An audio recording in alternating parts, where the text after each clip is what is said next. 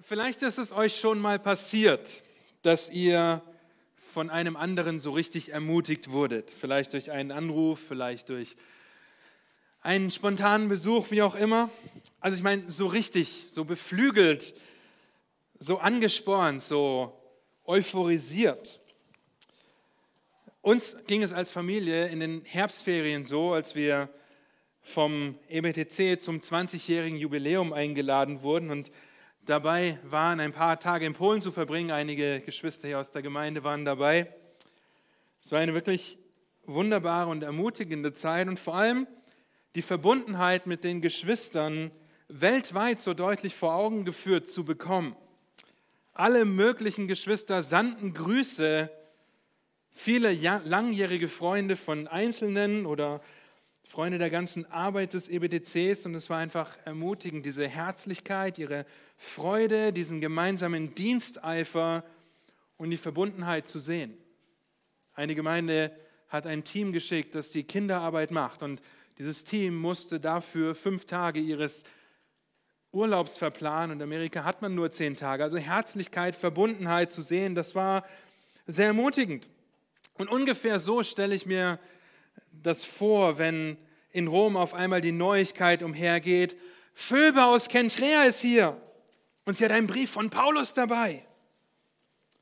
Nun stellt euch die Ältesten der einzelnen Hausgemeinden vor, wie sie sich treffen und völlig aufgeregt dazu, darüber sprechen. Paulus, Paulus hat uns einen Brief geschrieben.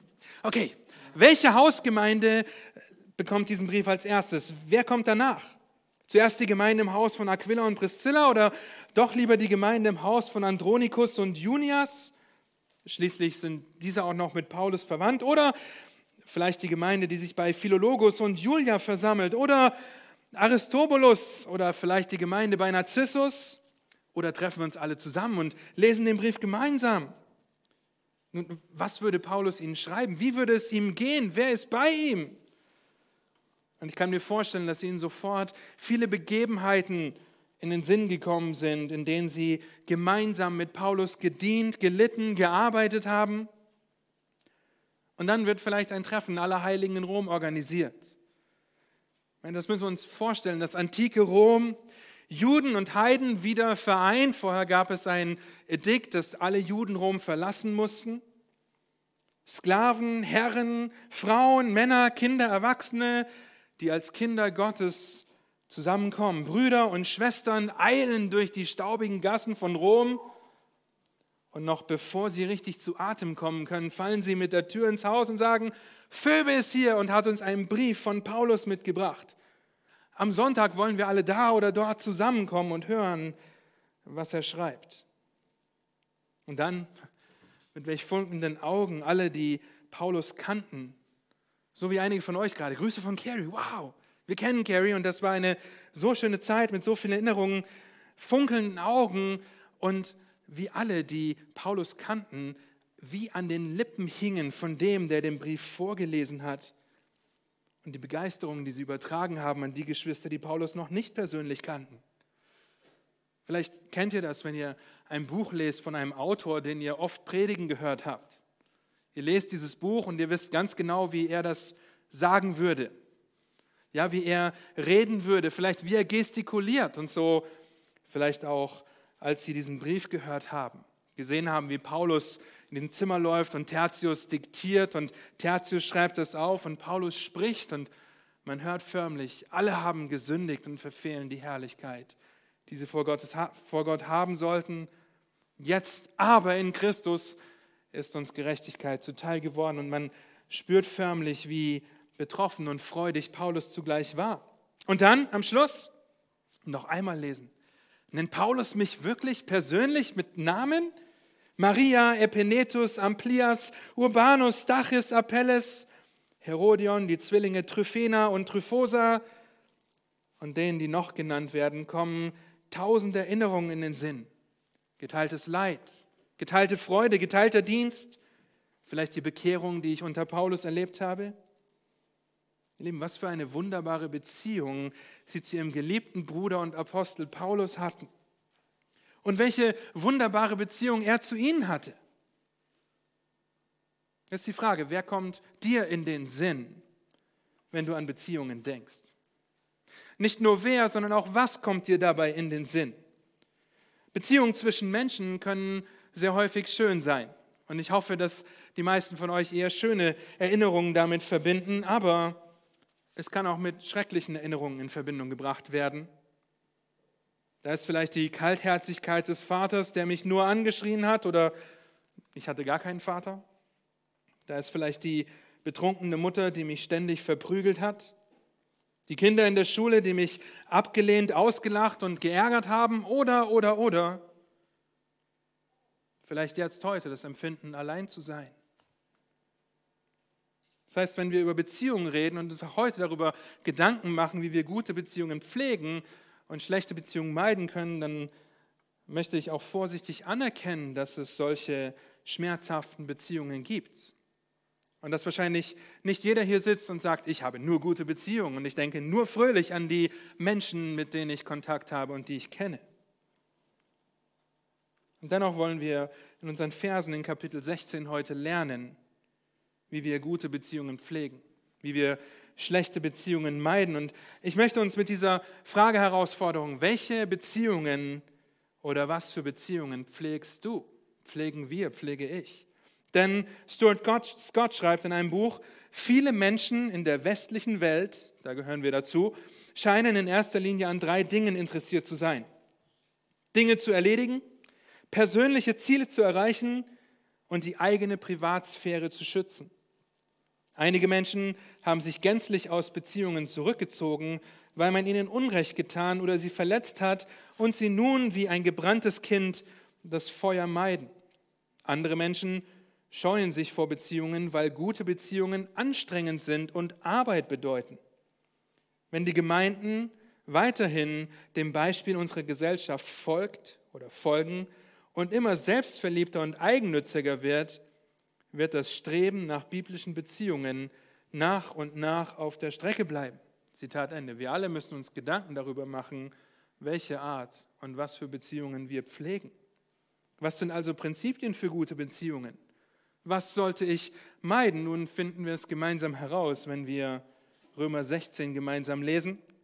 Und wenn ihr eure Soft- oder Hardware-Bibeln noch nicht bei Römer 16 aufgeschlagen habt, dann tut das bitte jetzt und lest mit mir und verzeiht mir schon jetzt, wenn ich mich bei einigen der Namen verhaspeln sollte. Römer Kapitel 16, wir lesen die Verse 1 bis 24. Ich empfehle euch aber unsere Schwester Phoebe, die eine Dienerin der Gemeinde in Kenchrea ist, damit ihr sie aufnehmt im Herrn, wie es sich für Heilige geziemt, und ihr in allen Dingen beisteht, in denen sie euch braucht. Denn auch sie ist vielen ein Beistand gewesen, auch mir selbst. Grüßt Priscilla und Aquila, meine Mitarbeiter in Christus Jesus, die für mein Leben ihren eigenen Hals hingehalten haben, denen nicht allein ich dankbar bin, sondern auch alle Gemeinden der Heiden. Grüßt auch die Gemeinde in ihrem Haus. Grüßt meinen geliebten Epinetus, der ein Erstling von Achaia für Christus ist. Grüßt Maria, die viel für uns gearbeitet hat. Grüßt Andronikus und Junias, meine Verwandten und Mitgefangenen, die unter den Aposteln angesehen und von vor mir in Christus gewesen sind. Grüßt meinen Herr, im Herrn geliebten Amplias. Grüßt Urbanus, unseren Mitarbeiter in Christus und meinen geliebten Stachys. Grüßt Apelles, der in Christus, den in Christus bewährten. Grüßt die vom Haus des Aristobulus. Grüßt Herodion, meinen Verwandten. Grüßt die vom Haus des Narzissus, die im Herrn sind. Grüßt Tryphena und Tryphosa, die im Herrn arbeiten. Grüßt die geliebte Persis, die viel gearbeitet hat im Herrn. Grüßt Rufus, den Auserwählten im Herrn, und seine Mutter, die auch mir eine Mutter ist. Grüßt Asynkritus, Phlegon, Hermas, Patrobas, Hermes und die Brüder bei ihnen. Grüßt Philologus und Julia, Nereus und seine Schwester, auch Olympas und alle Heiligen bei ihnen. Grüßt einander mit einem heiligen Kuss. Es grüßen euch die Gemeinden des Christus. Ich ermahne euch aber, ihr Brüder, gebt Acht auf die, welche Trennung und Ärgernisse bewirken im Widerspruch zu der Lehre, die ihr gelernt habt, und meidet sie. Denn solche dienen nicht unserem Herrn Jesus Christus, sondern ihrem eigenen Bauch. Und durch wohlklingende Reden und schöne Worte verführen sie die Herzen der Arglosen. Denn euer Gehorsam ist überall bekannt geworden. Darum freue ich mich euretwegen, möchte aber, dass ihr weise seid zum Guten und unvermischt bleibt mit dem Bösen. Der Gott des Friedens aber wird in kurzem den Satan unter euren Füßen zermalmen. Die Gnade unseres Herrn Jesus Christus sei mit euch. Amen. Es grüßen euch Timotheus, mein Mitarbeiter, und Lucius und Jason und Sosipater, meine Verwandten. Ich, Tertius, der ich den Brief niedergeschrieben habe, grüße euch im Herrn. Es grüßt euch Gaius, der mich und die ganze Gemeinde beherbergt. Es grüßt euch Erastus, der Stadtverwalter, und Quartus, der Bruder. Die Gnade unseres Herrn Jesus Christus sei mit euch allen. Amen. Bis hierher lasst mich beten. Herr, habt du Dank für dieses einzigartige Kapitel, in dem wir so viele Namen finden, in dem wir eine so innige Beziehung feststellen können und sehen können. Und ich danke einfach dafür, dass wir lernen dürfen, aus deinem Wort lernen dürfen, Prinzipien über Beziehungen, aber vor allem auch sehen dürfen, wie Beziehungen früher gepflegt wurden. Und so bete ich um Gnade zum Hören, auch zum Reden. Bitte dich, dass du uns überführst und anspornst, gute Beziehungen zu pflegen, Herr. Amen. Warum ist es so wichtig, über Beziehungen zu sprechen und darüber Gedanken zu machen, was für Beziehungen man selbst hat? Und ich rede nicht über die Beziehung von Mann und Frau, sondern über die Beziehung zwischen Menschen grundsätzlich, ja, zwischenmenschliche Beziehungen und es ist so wichtig, darüber nachzudenken, weil wir alle als Beziehungswesen geschaffen sind. Das heißt, bevor wir uns unserem Text zuwenden, wollen wir eine ganz kurze Grundlage legen, die uns dabei hilft, das, was wir gleich hören, hoffentlich besser einordnen zu können, einen ganzen Sinn geben zu können. Von Anfang an ist der Mensch für Beziehungen geschaffen. Warum? Was sagt Gott am sechsten Tag? Lasst uns Menschen machen nach unserem Bild, uns ähnlich. Die sollen herrschen über die Fische im Meer und über die Vögel des Himmels und über das Vieh, über die ganze Erde, auch über alles Gewürm, das auf der Erde kriecht. Und Gott schuf den Menschen in seinem Bild, im Bild Gottes schuf er ihn, als Mann und Frau schuf er sie. Das heißt, der ewige, unwandelbare, unabhängige, wie wir letzte Woche gehört haben, der dreieine Gott schafft Menschen in seinem Bild ihm ähnlich. Nun, was drückt die Dreieinigkeit aus? Wenn nicht die perfekte Beziehung zwischen Vater, Sohn und Heiligem Geist.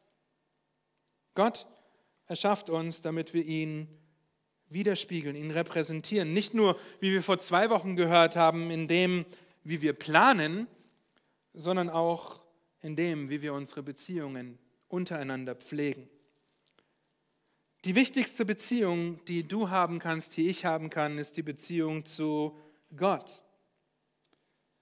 Mit 1. Mose 3 kam die Sünde in die Welt, weil der Mensch gegen Gott rebelliert hat und seitdem von Gott getrennt ist. Wir erinnern uns, wie Paulus schreibt, da ist keiner, der nach Gott fragt, auch nicht einer, da ist keiner, der Gutes tut, der Lohn der Sünde ist der Tod. Tod bedeutet immer Trennung, ein Beziehungsbruch mit Gott. Der Mensch fragt nicht mehr danach, wie er seine Liebe zum Nächsten, geschweige denn zu Gott zum Ausdruck bringen kann. Das heißt, wenn diese Beziehung zerbrochen ist, werden alle anderen Beziehungen darunter leiden. Deshalb ist der erste Schritt, die Beziehung zu Gott wiederherzustellen.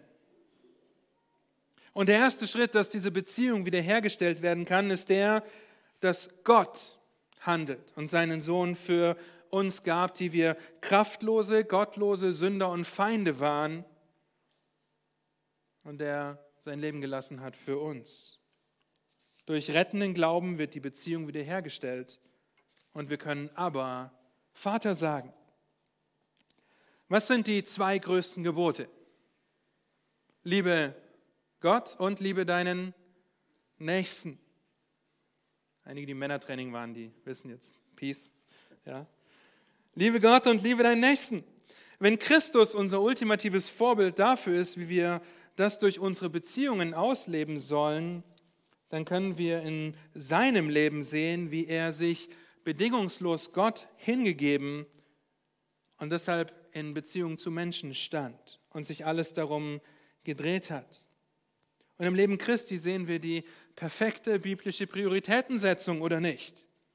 Und wenn wir in die Schrift schauen, dann stellt sich bei der Frage nach den Prioritäten nicht zuerst, wie vielleicht in unseren Gedanken, die Aufgaben, die Dinge, die Positionen, die wir erarbeiten müssen, was wir alles tun müssen. Nein, es dreht sich immer um die zwei größten Gebote. Liebe Gott und liebe deinen Nächsten. Das heißt, unsere Prioritäten sollten in Beziehungen stattfinden und wir sollten überlegen, wie wir diese fordern können.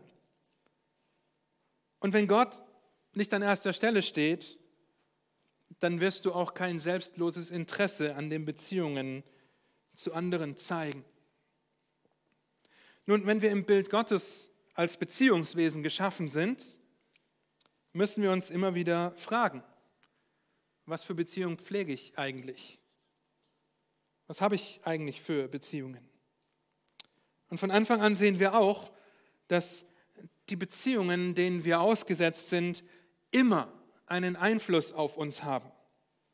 Nennen wir es in diesem Fall Abhängigkeit. Noch einmal Stuart Scott, schreibt, der Mensch wurde nicht so geschaffen, dass er aus dem Nichts für sich selbst sorgen oder sein Überleben sichern kann. Wir sind auf Gott angewiesen. Der Mensch wurde auch geschaffen, um von anderen abhängig zu sein um mit, und mit ihnen zu interagieren. Wenn wir also von Anfang an geschaffen wurden, um Beziehungen miteinander zu haben und voneinander abhängig zu sein, wie kommt es dann, dass wir dazu neigen zu glauben, dass es nicht nötig ist, sich mit anderen zu befassen? Beziehungen werden immer, immer, immer, immer einen Einfluss auf uns haben. Das heißt, wir stehen immer unter dem Einfluss von irgendjemandem. Die Frage ist, was für Beziehungen sind das, die du pflegst? Und es ist deshalb so dringend und wichtig, dass wir uns genau darüber Gedanken machen. Lasst uns also gemeinsam ein paar biblische Prinzipien für gute Beziehungen betrachten, wenn wir zu Römer 16 kommen. Und ich möchte von Anfang an sagen, das ist nicht allumfassend, das ist nicht alles, was die Schrift zu Beziehungen zu sagen hat. Dafür würde die Zeit nicht reichen, dass wir bei 1. Mose anfangen und in der Offenbarung aufhören. Das würde nicht gehen, sondern wir wollen uns auf Römer 16 konzentrieren und einige Prinzipien dort sehen und lernen und hoffentlich anwenden in unserem Leben. In den ersten 16 Versen und den Versen 21 bis 24 sehen wir die guten Beziehungen, die Paulus hatte. Und der Aufruf an uns, pflege gute Beziehungen. Wenn wir den Text gucken, dann lesen wir von mindestens 36 Personen, darunter zwei bis drei Ehepaare und wahrscheinlich mindestens fünf Hausgemeinden fünf Hausgemeinden in Rom. Dann sehen wir in Kapitel 6, in Vers 16 die Gemeinden in der Gegend Achaia, Mazedonien, in Asien, Kleinasien, da wo Paulus sich gerade aufhält. Und natürlich dann am Schluss die ganze Gemeinde, die bei Gaius noch ist. Also Gemeinden in Korinth, Kenchrea und der Umgebung dort. Und wenn wir uns in, den, in unseren Text schauen, dann stellen wir fest, dass unter denen, die genannt werden, Frauen und Männer genannt werden. Dass hier Wohlhabende und Sklaven genannt werden. Das macht die Namensgebung deutlich. Dass Verheiratete und Unverheiratete genannt werden. Und für die damalige Zeit war das nicht so normal. Es war nicht normal, dass Wohlhabende in einem Atemzug mit Sklaven genannt würden es war nicht normal, dass Frauen eine so gewichtige Position in diesen Grüßen bekommen, sogar Phoebe den Brief überbringt, weil eine Ehefrau lediglich dazu da war, das Erbe zu sichern, aber das Vergnügen, das habe ich mir woanders gesucht. Das heißt, Paulus zeigt in diesem Kapitel wunderbar auf, was er an anderer Stelle schreibt.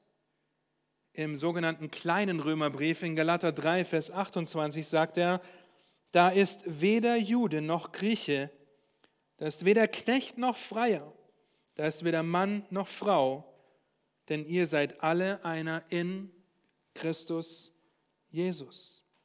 Eines der Prinzipien, das wir lernen können, lautet, gute Beziehungen haben Christus als Grundlage. Das geht bei Phoebe los, die vielleicht eine Diakonin der Gemeinde war und sehr wahrscheinlich ziemlich wohlhabend war, denn sie ist vielen ein großzügiger Beistand oder eine Unterstützerin gewesen, dass wir auf finanzielle Unterstützung zurückführen können. Und dann sehen wir, dass in unserem Text zwölfmal in Christus, im Herrn, in Christus Jesus vorkommt. Durch alle Gesellschaftsschichten hindurch. Durch alle Gesellschaftsschichten hindurch betont Paulus, dass Christus die Grundlage, die die Einheit und die Beziehung unter den Geschwistern in Rom herstellt, ist. Christus, nichts anderes. Sie sind in Christus. Und wir können uns die äh, gleiche Frage stellen. Wie viele von uns würden sich kennen, wenn wir nicht in Christus wären? Das ist die Frage.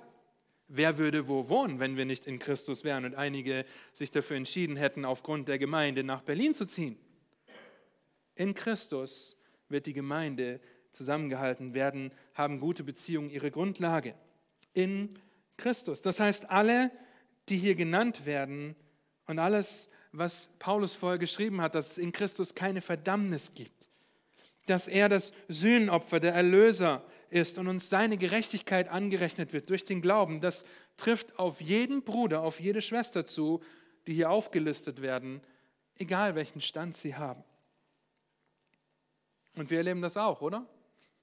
Wenn ihr in andere Gemeinden geht, wenn ihr auf Freizeiten geht, wenn ihr Konferenzen besucht, dann ist eine Verbundenheit da, die nicht von deinem Wohlstand, deiner Position oder deinem Geschlecht abhängt. Nein, Christus ist der gemeinsame Nenner und aufgrund dessen ist sofort eine Verbundenheit, eine Herzlichkeit da, eine innige Gemeinschaft. Aufgrund dessen können wir für andere Gemeinden beten, weil wir zu dem universalen Leib Christi gehören. Christus ist die Grundlage guter Beziehungen. Und ein Wort, das noch häufiger vorkommt als Christus, ist das Wort, wer findet es? Grüßt. Nicht so schwer zu sehen, oder? Grüßt, grüßt, grüßt, grüßt, grüßt. In 24 Worten, in Versen finden wir dieses kleine Wörtchen, das als Begrüßung oder Verabschiedung gebraucht werden konnte, 21 Mal. Und dann Vers 16. Grüßt einander mit dem heiligen Kuss innige Herzlichkeit, die zum Ausdruck gebracht wird. Gute Beziehungen sind zweitens von Herzlichkeit geprägt. Nun, wir neigen hier nicht so sehr zum Kuss. Manche sagen, schade eigentlich, ja, zu diesem heiligen Kuss, der nichts mit, mit Erotik oder ähm, sonstigen Hingebungen zu tun hat. Nein, sondern eher zu einer liebevollen Umarmung, zu einem herzlichen Handschlag, bei dem wir einander in die Augen schauen und nicht ein Kuss auf die Wange oder auf die Stirn, es sei denn, eure Kinder und eure Ehepartner sind auch hier. Aber wenn ihr zum Beispiel nach Frankreich, nach Italien, Paulus schreibt, nach Rom, wenn ihr nach Spanien, in die Schweiz geht, dann ist diese herzliche Begrüßung immer noch ein Kuss. Ich weiß nicht, wie es gerade aussieht zu Corona-Zeiten, aber es ist ein Kuss. Ich habe Verwandtschaft in der Schweiz, es ist rechts, links, rechts. Und wenn du besonders dich freust, dass er da ist, das Ganze nochmal. Herzliche Begrüßung, herzliche Anteilnahme. Schön, dass du da bist.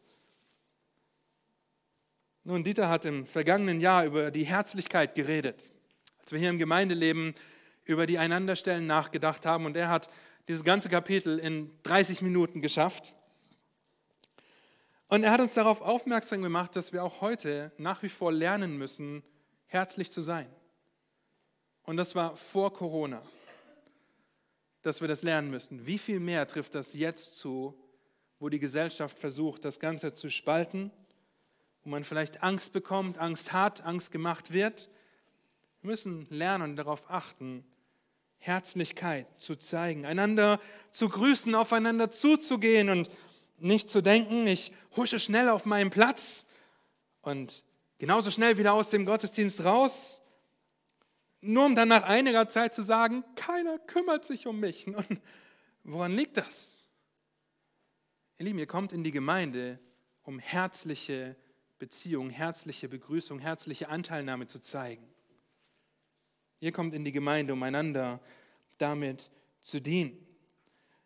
Wie bringst du diese Herzlichkeit zum Ausdruck? Bringst du sie zum Ausdruck? Freust du dich, dass deine Geschwister hier sind? Schön, dass ihr da seid. Ich plädiere nicht direkt für den Kuss, aber dennoch für den Ausdruck inniger Herzlichkeit. Nun versetzt euch in die Lage nach Rom. Paulus schreibt nicht einfach, grüßt, Doppelpunkt, und bringt dann die Auflistung an Namen. Nein, er nimmt sich Zeit, jeden Einzelnen persönlich zu grüßen, den er in Rom kennt. Ihn zu nennen, persönlich zu grüßen und dann so oft zu sagen, mein Geliebter im Herrn, meine Geliebte im Herrn, grüßt sie, grüßt sie, grüßt sie. Wir haben ein ganzes einmaliges Kapitel von einer herzlichen Beziehung des Apostels zu den Geschwistern in Rom. Obwohl er immer noch nicht dort war. Und vielleicht ist das Gnade, dass er noch nicht dort war, denn wer weiß, wie lang dieses Kapitel dann geworden wäre, wenn er alle Geschwister in Rom schon kennen würde. Bestimmt um ein Vielfaches länger. Nun, und bis hierher sagen vielleicht einige von uns, wow, dann habe ich wirklich gute Beziehungen. Absolut herzlich mit Christen komme ich zusammen, herzlich, das freut mich. Mich freut das auch für euch, aber im nächsten Punkt geht es ums Eingemachte.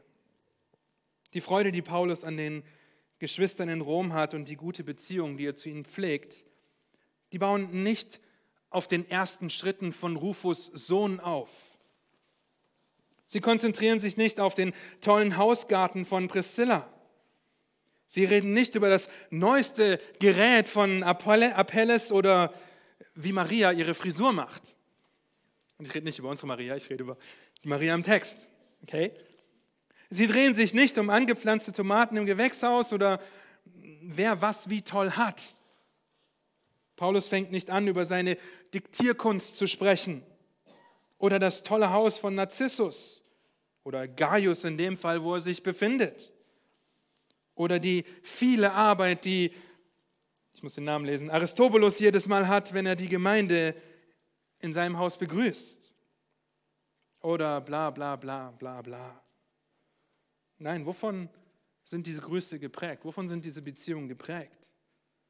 Nun, von Liebe zu Gott und von Liebe zum Nächsten. Das Dritte, was wir lernen können, ist, dass gute Beziehungen sich auf den Dienst konzentrieren. Das ist das, woran Paulus denkt, wenn er an die Geschwister in Rom denkt, an den gemeinsamen Dienst, den er mit ihnen hatte.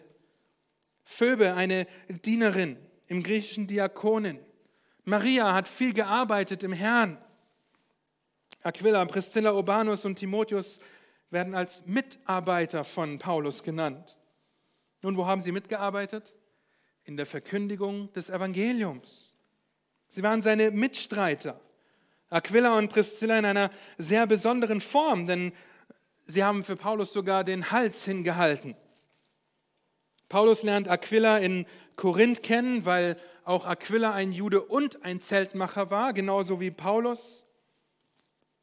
Dann reisten Aquila und Priscilla mit ihm nach Syrien, nachdem in Kenchrea und Korinth, von wo aus er jetzt voraussichtlich schreibt, ein Aufstand tobte und man Paulus verurteilen wollte. Dann lässt Paulus diese beiden, dieses Ehepaar in Ephesus und die beiden nahmen Apollos unter ihre Fittiche, von dem wir dann im ersten Korintherbrief lesen, dass auch er ein großer Mann der Verkündigung geworden ist. Das könnt ihr alles in Apostelgeschichte 18 nachlesen. Später würde Paulus aus Ephesus schreiben an die Korinther und von Aquila und Priscilla grüßen, natürlich. Ja, sie kommen aus Korinth. Und nicht nur das, sondern Aquila und Priscilla haben auch in Ephesus die, eine Gemeinde beherbergt. Die Gemeinde in ihrem Haus, 1. Korinther 16 am Schluss. Danach wurde das römische Edikt wieder aufgehoben und die Juden durften nach Rom zurück. Was Aquila und Priscilla taten? Ihr Lieben, sie waren viel unterwegs und sie waren Eiferer für den Herrn. Und sie haben ihren Besitz eingesetzt, um Gott und ihren Nächsten zu lieben. Einige der genannten Namen sind da sind sich einige Ausleger ziemlich sicher, tatsächliche Verwandte von Paulus. Schaut in Vers 7, da haben wir voraussichtlich ein Ehepaar, Andronikus und Junias. Und Ausleger gehen davon aus, dass sie zu einem Zeitpunkt mit Paulus zusammen verhaftet wurden, weil sie das Evangelium verkündigen. Zusätzlich sind sie auch noch bei den Aposteln bekannt und angesehen. Das heißt, sie haben hohes Ansehen genossen. Und was lesen wir noch? Sie waren vor mir in Christus. Das heißt, das muss eine Freude gewesen sein, als sie gehört haben, Saulus ist zu Paulus geworden. Oder dann haben wir da Apelles, der in Christus bewährte. Vers 10. Und ich greife nur einige raus. Ja, wir haben nicht die Zeit, alle Namen und alle Dinge durchzugehen, aber der bewährte in Vers 10 und Paulus benutzt dasselbe Wort in Vers 10, das er in Kapitel 14, Vers 18 für jemanden gebraucht, der von den Menschen geschätzt ist. Das heißt, Apelles ist ein strahlendes Zeugnis für den Herrn. Dann haben wir wahrscheinlich die Zwillinge Tryphena und Tryphosa und Persis. Drei Frauen in Vers 12, die offensichtlich mit eifrigem Dienst für den Herrn gearbeitet haben und sich für die Freude an der Anwendung des Evangeliums bis zur Erschöpfung verausgabt haben. Das impliziert das Wort, sie haben gearbeitet. Gaius in Vers 23 wird genannt und wir sehen, wie er seine Gastfreundschaft demonstriert. Oder dann die verschiedenen voraussichtlichen Leiter der Hausgemeinden in Rom. Es dreht sich alles um den Dienst. Es dreht sich alles um den Dienst für den Herrn. Das, was diese Beziehung so gut macht, so schön macht, so pflegenswert macht, ist das gemeinsame Ausleben von Römer 12 in Versen 1 bis 7, wo es heißt, ich ermahne euch nun, ihr Brüder, angesichts der Barmherzigkeiten Gottes, dass ihr eure Leiber darbringt als ein lebendiges, heiliges, Gott wohlgefälliges Opfer. Das sei euer vernünftiger Gottesdienst. Und passt euch nicht diesem Weltlauf an, sondern lasst euch in eurem Wesen verwandeln durch die Erneuerung eures Sinnes, damit ihr prüfen könnt, was der gute und wohlgefällige und vollkommene Wille Gottes ist. Und alles, was folgt, baut darauf, baut darauf auf. Und dann heißt es weiter, in Vers 3, Kapitel 12. Denn ich sage Kraft der Gnade, die mir gegeben ist, jedem unter euch, dass er nicht höher von sich denke, als sich zu denken gebührt, sondern dass er auf Bescheidenheit bedacht sei, wie Gott jedem Einzelnen das Maß des Glaubens zugeteilt hat. Denn gleich wie wir an einem Leib viele Glieder besitzen, nicht alle Glieder aber dieselbe Tätigkeit haben, so sind auch wir, die vielen ein Leib in Christus und als Einzelne untereinander Glieder. Wir haben aber verschiedene Gnadengaben gemäß unserer der uns verliehenen Gnade. Wenn wir Weissagung haben, so sei sie in Übereinstimmung mit dem Glauben. Wenn wir einen Dienst haben, so geschehe im Dienen. Wer lehrt, diene in der Lehre. Wer ermahnt, diene in der Ermahnung. Wer gibt, gebe in Einfalt. Wer vorsteht, tue es mit Eifer. Wer Barmherzigkeit übt, mit Freudigkeit. Gute Beziehungen drehen sich um den gemeinsamen Dienst.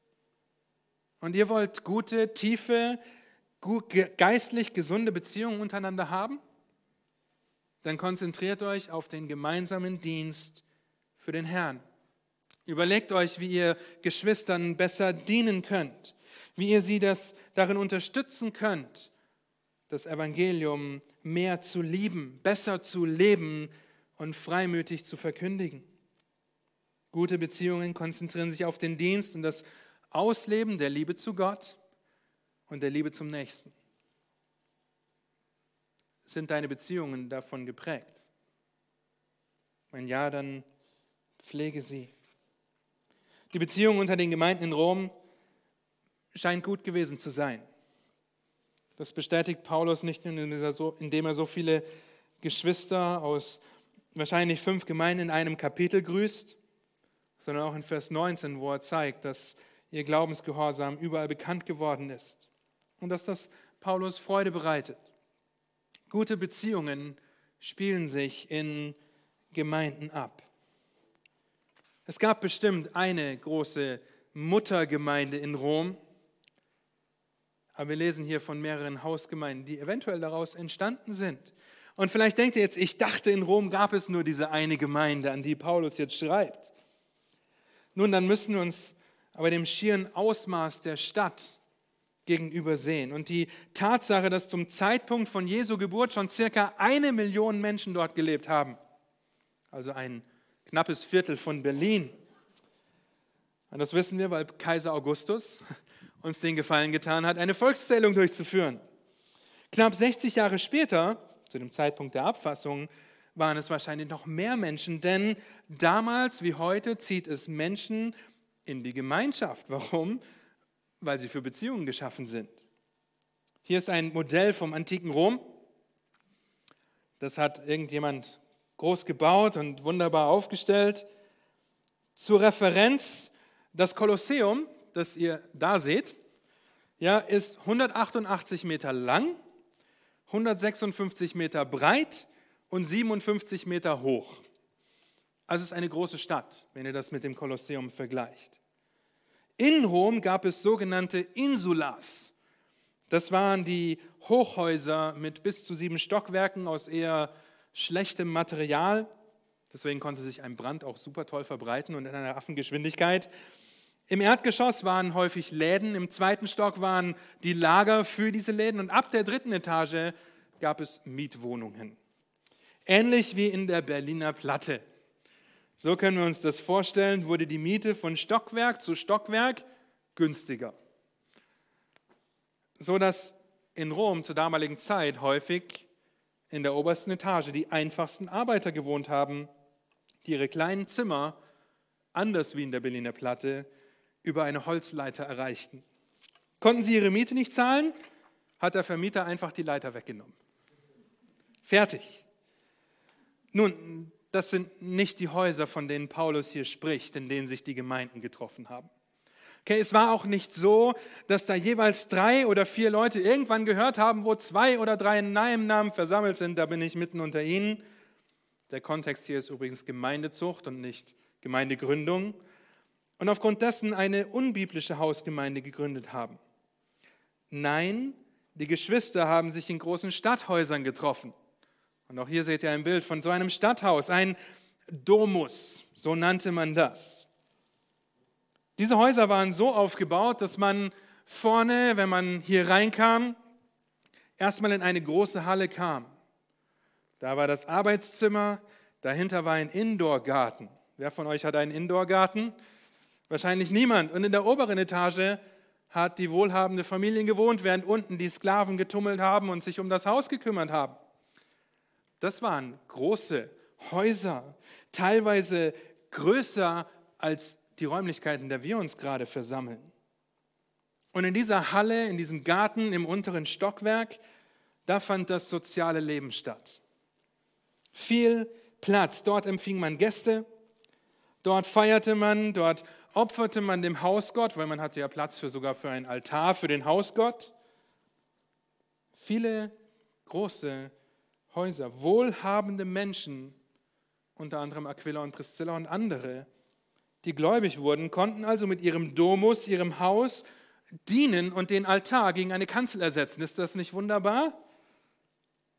Dort versammelten sich Gemeinden mit Ältesten und Diakonen. Wir wissen nicht, ob es eine Muttergemeinde gab und ob die Ältesten unter dem Schirm einer anderen Ältestenschaft, wir wissen das nicht. Ja, wir lesen von mindestens fünf Gemeinden, von fünf Hausgemeinden, die sich in solchen Häusern versammelt haben und nicht in den Insulas in der römischen Platte. Okay? Und das Spannende ist noch einmal, es spielte keine Rolle, zu welcher gesellschaftlichen Schicht du gehört hast. Denn das waren die Orte, an denen sich die Gemeinde Jesu versammelt hat. Wir können also davon ausgehen, dass die Geschwister, die als Gastgeber mit einer Hausgemeinde genannt werden, sehr wohlhabend waren und sich nichts daraus gemacht haben, dass selbst Sklaven zu dem Vordereingang hineinkommen. Dort konnten sich gute Beziehungen entwickeln und die Freude an der Wahrheit des Evangeliums gemeinsam ausgelebt werden, indem man auf die Lehre der Apostel und die Schrift hörte, indem man gemeinsam betete, das Brot brach, Abendmahl feierte und sich gegenseitig auch gemeindeübergreifend angespornt hat, Gott und seine Nächsten zu lieben. Nun nutzt du die Gemeinschaft der Geschwister, wenn sie zusammenkommen, um gute Beziehungen zu pflegen. Gute Beziehungen, die Christus zur Grundlage haben, von Herzlichkeit geprägt sind und sich auf den Dienst konzentrieren. Zum Abschluss dieses Punktes noch einmal Stuart Scott. Eine biblische Beziehung ist die gemeinsame Beteiligung von zwei unterschiedlichen christlichen Personen, die von Einsatz, Christusähnlicher Liebe, guter Kommunikation, Wertschätzung, Erbauung und Dienst geprägt ist. Stets in einer respektvollen und demütigen Haltung und zur Ehre Gottes und dem Wohl des anderen. Unterstreich das die Beziehungen, die du hast. Oder gehörst du zur nächsten Gruppe? Denn neben dem Pflegen guter Beziehungen ermahnt Paulus auch in den Versen 17 bis 20, schlechte Beziehungen zu meiden. Das ist ihm so wichtig wie der Aufruf zum Gottesdienst in 12 Vers 1 oder die Aufforderung, mit ihm zu beten in 15 Vers 30. Ich ermahne euch, Brüder. Vielleicht erinnert ihr euch an letzte Woche. Gott spricht mit Mose, sagt ihm, was passieren wird, offenbart sich als der Ich bin, zeigt sein erbarmendes Herz und seinen aktiven Plan, Israel aus Ägypten zu retten. Und dann sagt Gott folgendes in 2. Mose 3, Vers 16. Ich habe genau geachtet oder acht gegeben auf euch und auf das, was euch in Ägypten geschehen ist. Und was hat Daniel uns gezeigt? Dass Gott sehr genau, sehr sorgfältig, sehr intensiv hingeschaut hat. Nun, in der griechischen Übersetzung des Alten Testaments finden wir dasselbe griechische Wort wie in Römer 16, Vers 7, dass wir Acht geben sollen. Gebt Acht. Und wir kennen dieses griechische Wort sogar, denn wir verbinden es mit genauem Hinschauen wenn wir zum Beispiel das Wort Teleskop oder Mikroskop benutzen. Beides Dinge, um etwas genau zu erforschen. Skopeo ist das griechische Wort, das ein ganz genaues Hinschauen, Achten, Beobachten und daraufhin etwas zu begreifen bedeutet. In unserem Fall achten wir ganz genau darauf und stellen fest, wir meiden schlechte Beziehungen. Als erstes sehen wir, dass schlechte Beziehungen trennen. Und Ärgernisse bewirken Trennung und Ärgernis kann austauschbar benutzt werden, weil sie im Widerspruch zu dem stehen, was gerade geschrieben wurde, was die Geschwister dort gehört haben und sich schlechte Beziehungen nicht auf das konzentrieren, was Gottes Wort sagt oder zu sagen hatte. Das wird ein bisschen schneller gehen, nur zu eurer Information. Zweitens stellen wir fest, dass schlechte Beziehungen nicht nach Christus trachten. Sie trachten nicht nach Christus. Vers 18, immer noch. Sie drehen sich um sich selbst. Ihre Gespräche sind davon geprägt, dass sie davon etwas bekommen, und zwar das bekommen, was sie wollen. Nicht Liebe zu Gott und zum Nächsten, sondern nur Liebe zu sich selbst. Der Sinn des sündigen Fleisches auch deines und meines sündigen Fleisches, ist ständig auf sich selbst gerichtet, anstatt den anderen in Demut höher zu achten als sich selbst. Denn das, was hier steht, denn solche dienen nicht unserem Herrn Jesus Christus. Man könnte das auch übersetzen, denn solche sind nicht Christus versklavt, sondern ihrem eigenen Bauch. Doulos, Sklave, wie wir in Römer 6 schon gelesen haben. Dadurch sind diese Beziehungen von Stolz geprägt. Liebe zu sich selbst, anstatt den anderen in Demut höher zu achten als sich selbst. Nicht nach Christus zu trachten bedeutet auch, dass schlechte Beziehungen von sündiger Kommunikation geprägt sind. Wohlklingende Reden, schöne Worte, um was zu tun? Um zu verführen, um die Ohren zu kitzeln, um zu schmeicheln, um zu verleumden, wo es sein muss, um sich aufzuregen. Und wenn du dich wenn du dir sagst, ich reg mich gar nicht auf, aber ich reg mich über die auf, die sich aufregen, dann herzlichen Glückwunsch, regst du dich trotzdem auf. Verleumden, wo es sein muss, nur damit man sich selbst besser darstellen kann. Sie trachten nicht nach Christus. Sie sündigen in der Kommunikation oder anstatt gute, erbauende, notwendige, gnadebringende Worte zu reden. Wenn sie nur das ihre suchen, diese Personen, diese Menschen, die Paulus nicht einmal nennt, dann sind schlechte Beziehungen auch von mangelnder Wertschätzung und Dankbarkeit geprägt. Sie schauen nur auf das, was sie haben wollen und vielleicht nicht bekommen. Also denken sie über das Negative nach, werden undankbar, weil sich andere nicht so verhalten, wie sie es sollten, anstatt regelmäßig Gedanken der Wertschätzung und Ermutigung zu hegen. Und das Ganze, weil diese Menschen von selbstsüchtigen Erwartungen geprägt sind.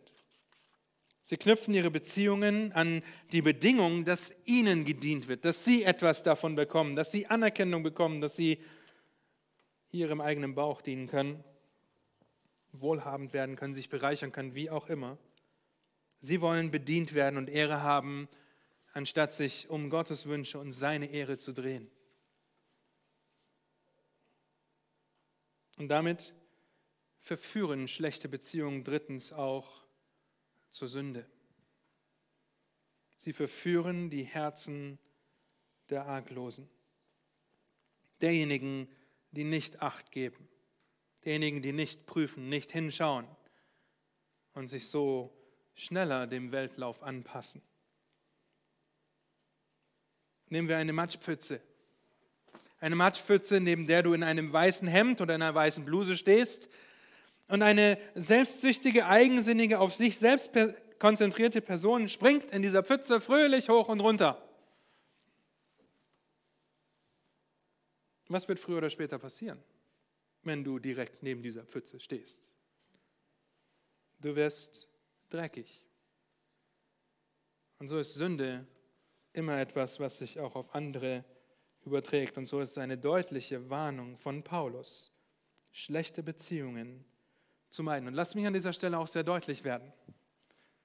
Denn es besteht die Möglichkeit, dass du eine Person sein könntest, die man meiden sollte.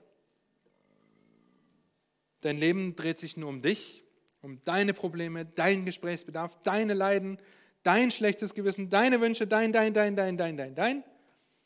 Selten hört man das, was du über Gott lernst. Wie du ihm deine Liebe durch den Dienst am nächsten zeigst. Sieht man so gut wie gar nicht. Es dreht sich nur um dich. Du verleitest andere zur Sünde und denen du ihnen sagst, wie schlecht es dir geht und dich über andere aufregst und sagst, was alles passieren müsste, dass es nicht mehr so ist. Und dann wunderst du dich, warum andere dich meiden oder deutlich mahnen. Mahnen, dass sich dein Leben eben nicht um dich selbst dreht, nicht um deine Gefühle, nicht um das, was du willst, sondern um Gott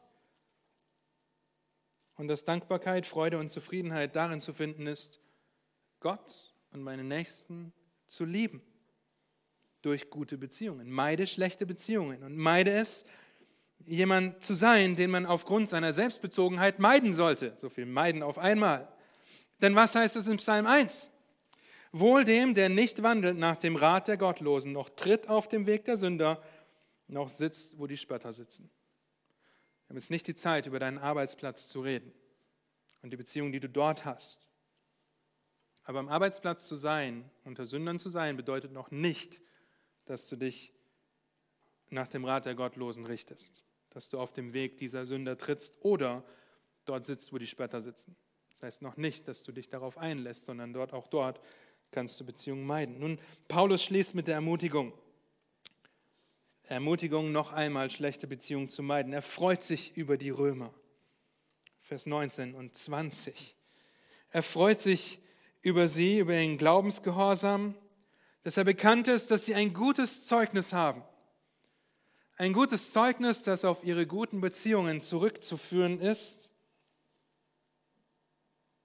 Und gerade deshalb sollten sie sich nicht mit dem Bösen vermischen, mit denen, die Trennung und Ärgernisse stiften, weil sie nur an sich selbst denken.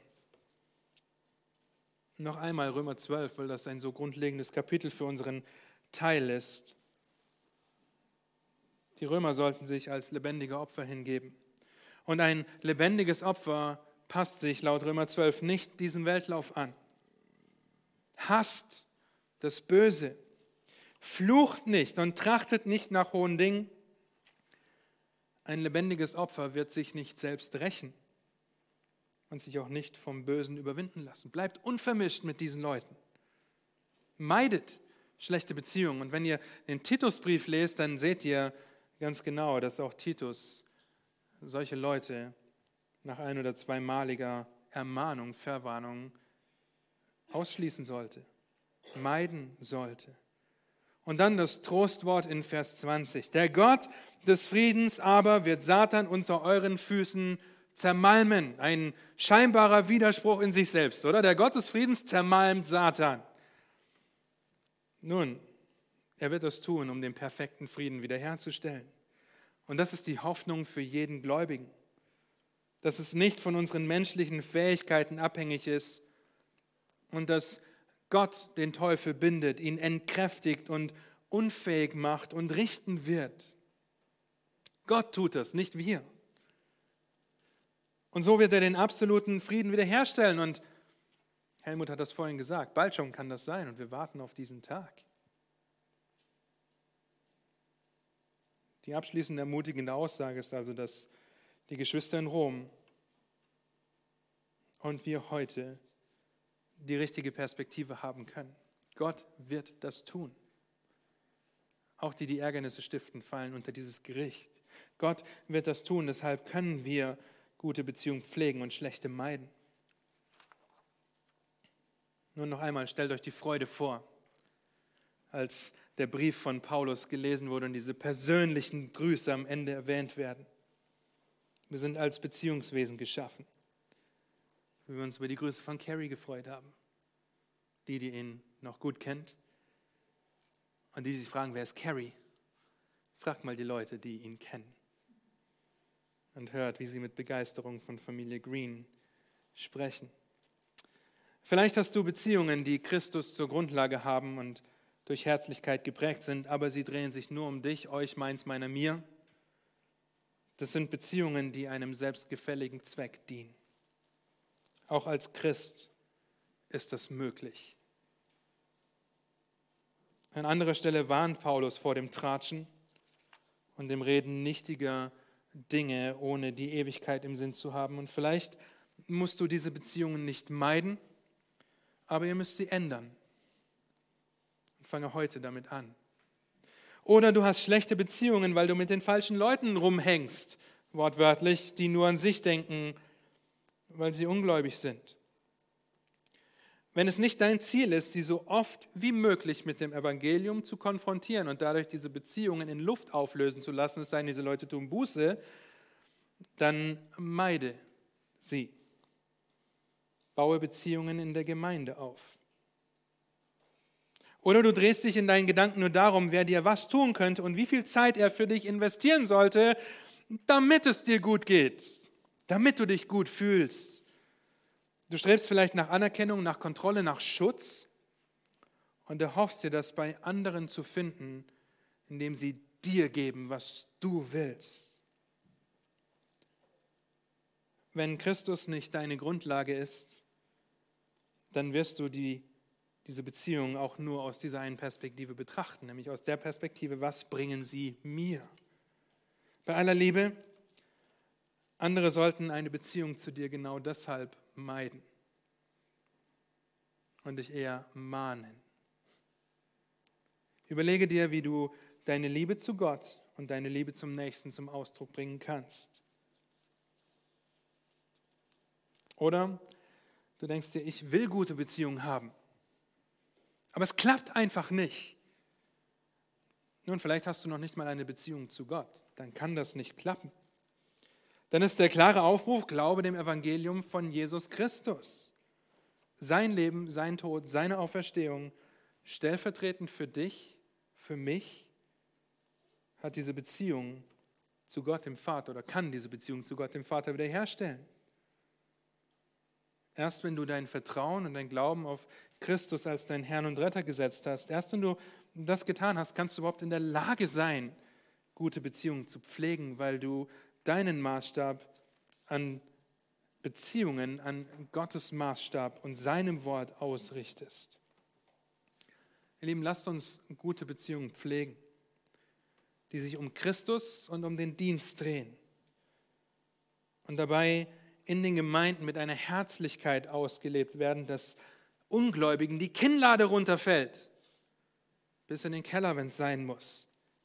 Und sie sich fragen, wie ist das vor allem in einer Zeit wie jetzt möglich, dass so ein unterschiedlicher Haufen so herzlich, so liebevoll miteinander umgeht? Dann können wir freudig antworten, wir sind Jünger Jesu, Kinder Gottes, die Gott durch sein Erbarmen wirklich errettet hat und die auf der Grund der Liebe Gottes zu uns jetzt in der Lage sind, Gott und andere herzlich zu lieben. Der Gott des Friedens aber wird in kurzem Satan unter euren Füßen zermalmen. Die Gnade Gottes, unseres Herrn Jesus Christus, sei mit euch. Amen. Lasst mich noch beten. Herr, habt ihr Dank dafür, dass wir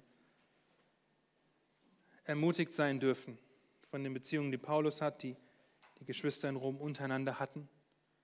Herr, wie wir von diesen vielen Menschen lesen, wie sie dir hingegeben gedient haben, ihre Liebe zu dir und zum Nächsten durch ihren Dienst zum Ausdruck gebracht haben und Mitstreiter, Mitgefangene, Mitarbeiter von Paulus waren.